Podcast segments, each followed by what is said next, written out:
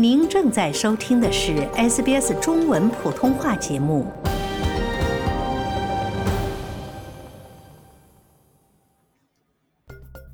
各位听众，大家好，欢迎收听 SBS 新闻快报，我是 Lauren 陈龙。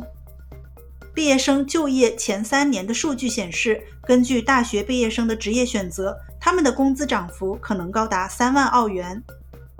药剂专业的毕业起薪是最低的，但在离开大学仅三年后，药剂师们的工资涨幅最高，达到三点七万澳元。根据毕业生结果调查，医生、银行家和律师在进入他们所选择的行业几年后，平均涨薪两点五万澳元，使他们的年薪增加到九万澳元以上。而教师的薪水增幅则是本科毕业生当中最低的。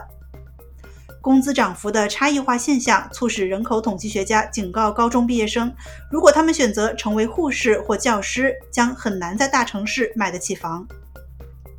全国各地的小学和中学教师在工作三年后获得的工资涨幅是最小的，他们的总工资从六点八万澳元增加到七点八万澳元。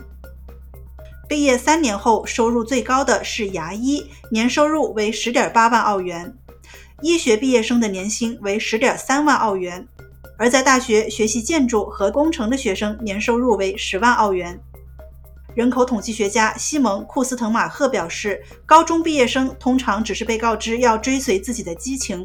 但他们也需要知道自己选择的专业可能使他们终身收入都不高。他说：“我希望年轻人能有一个现实的认识，对现实有一个诚实的了解，了解有哪些工作机会以及他们的薪资状况。”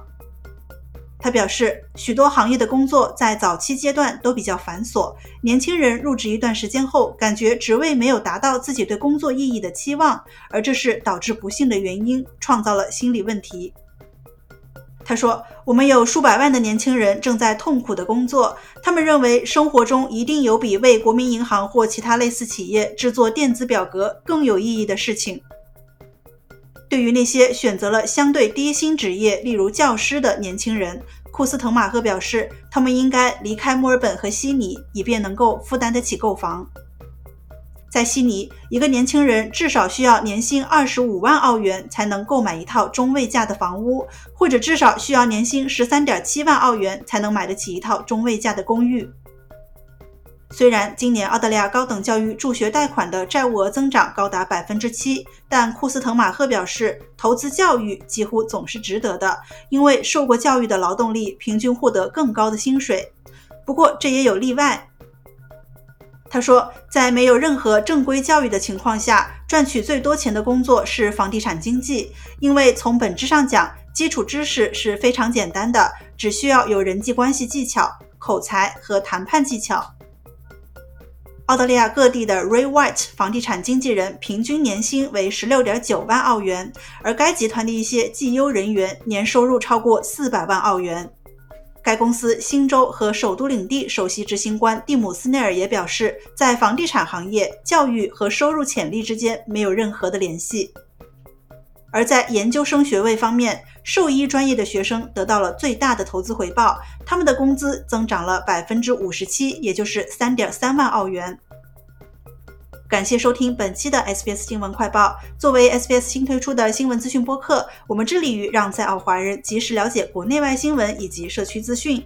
在任何播客平台搜索 SBS 普通话，点击订阅，开启消息提醒，不错过任何突发新闻。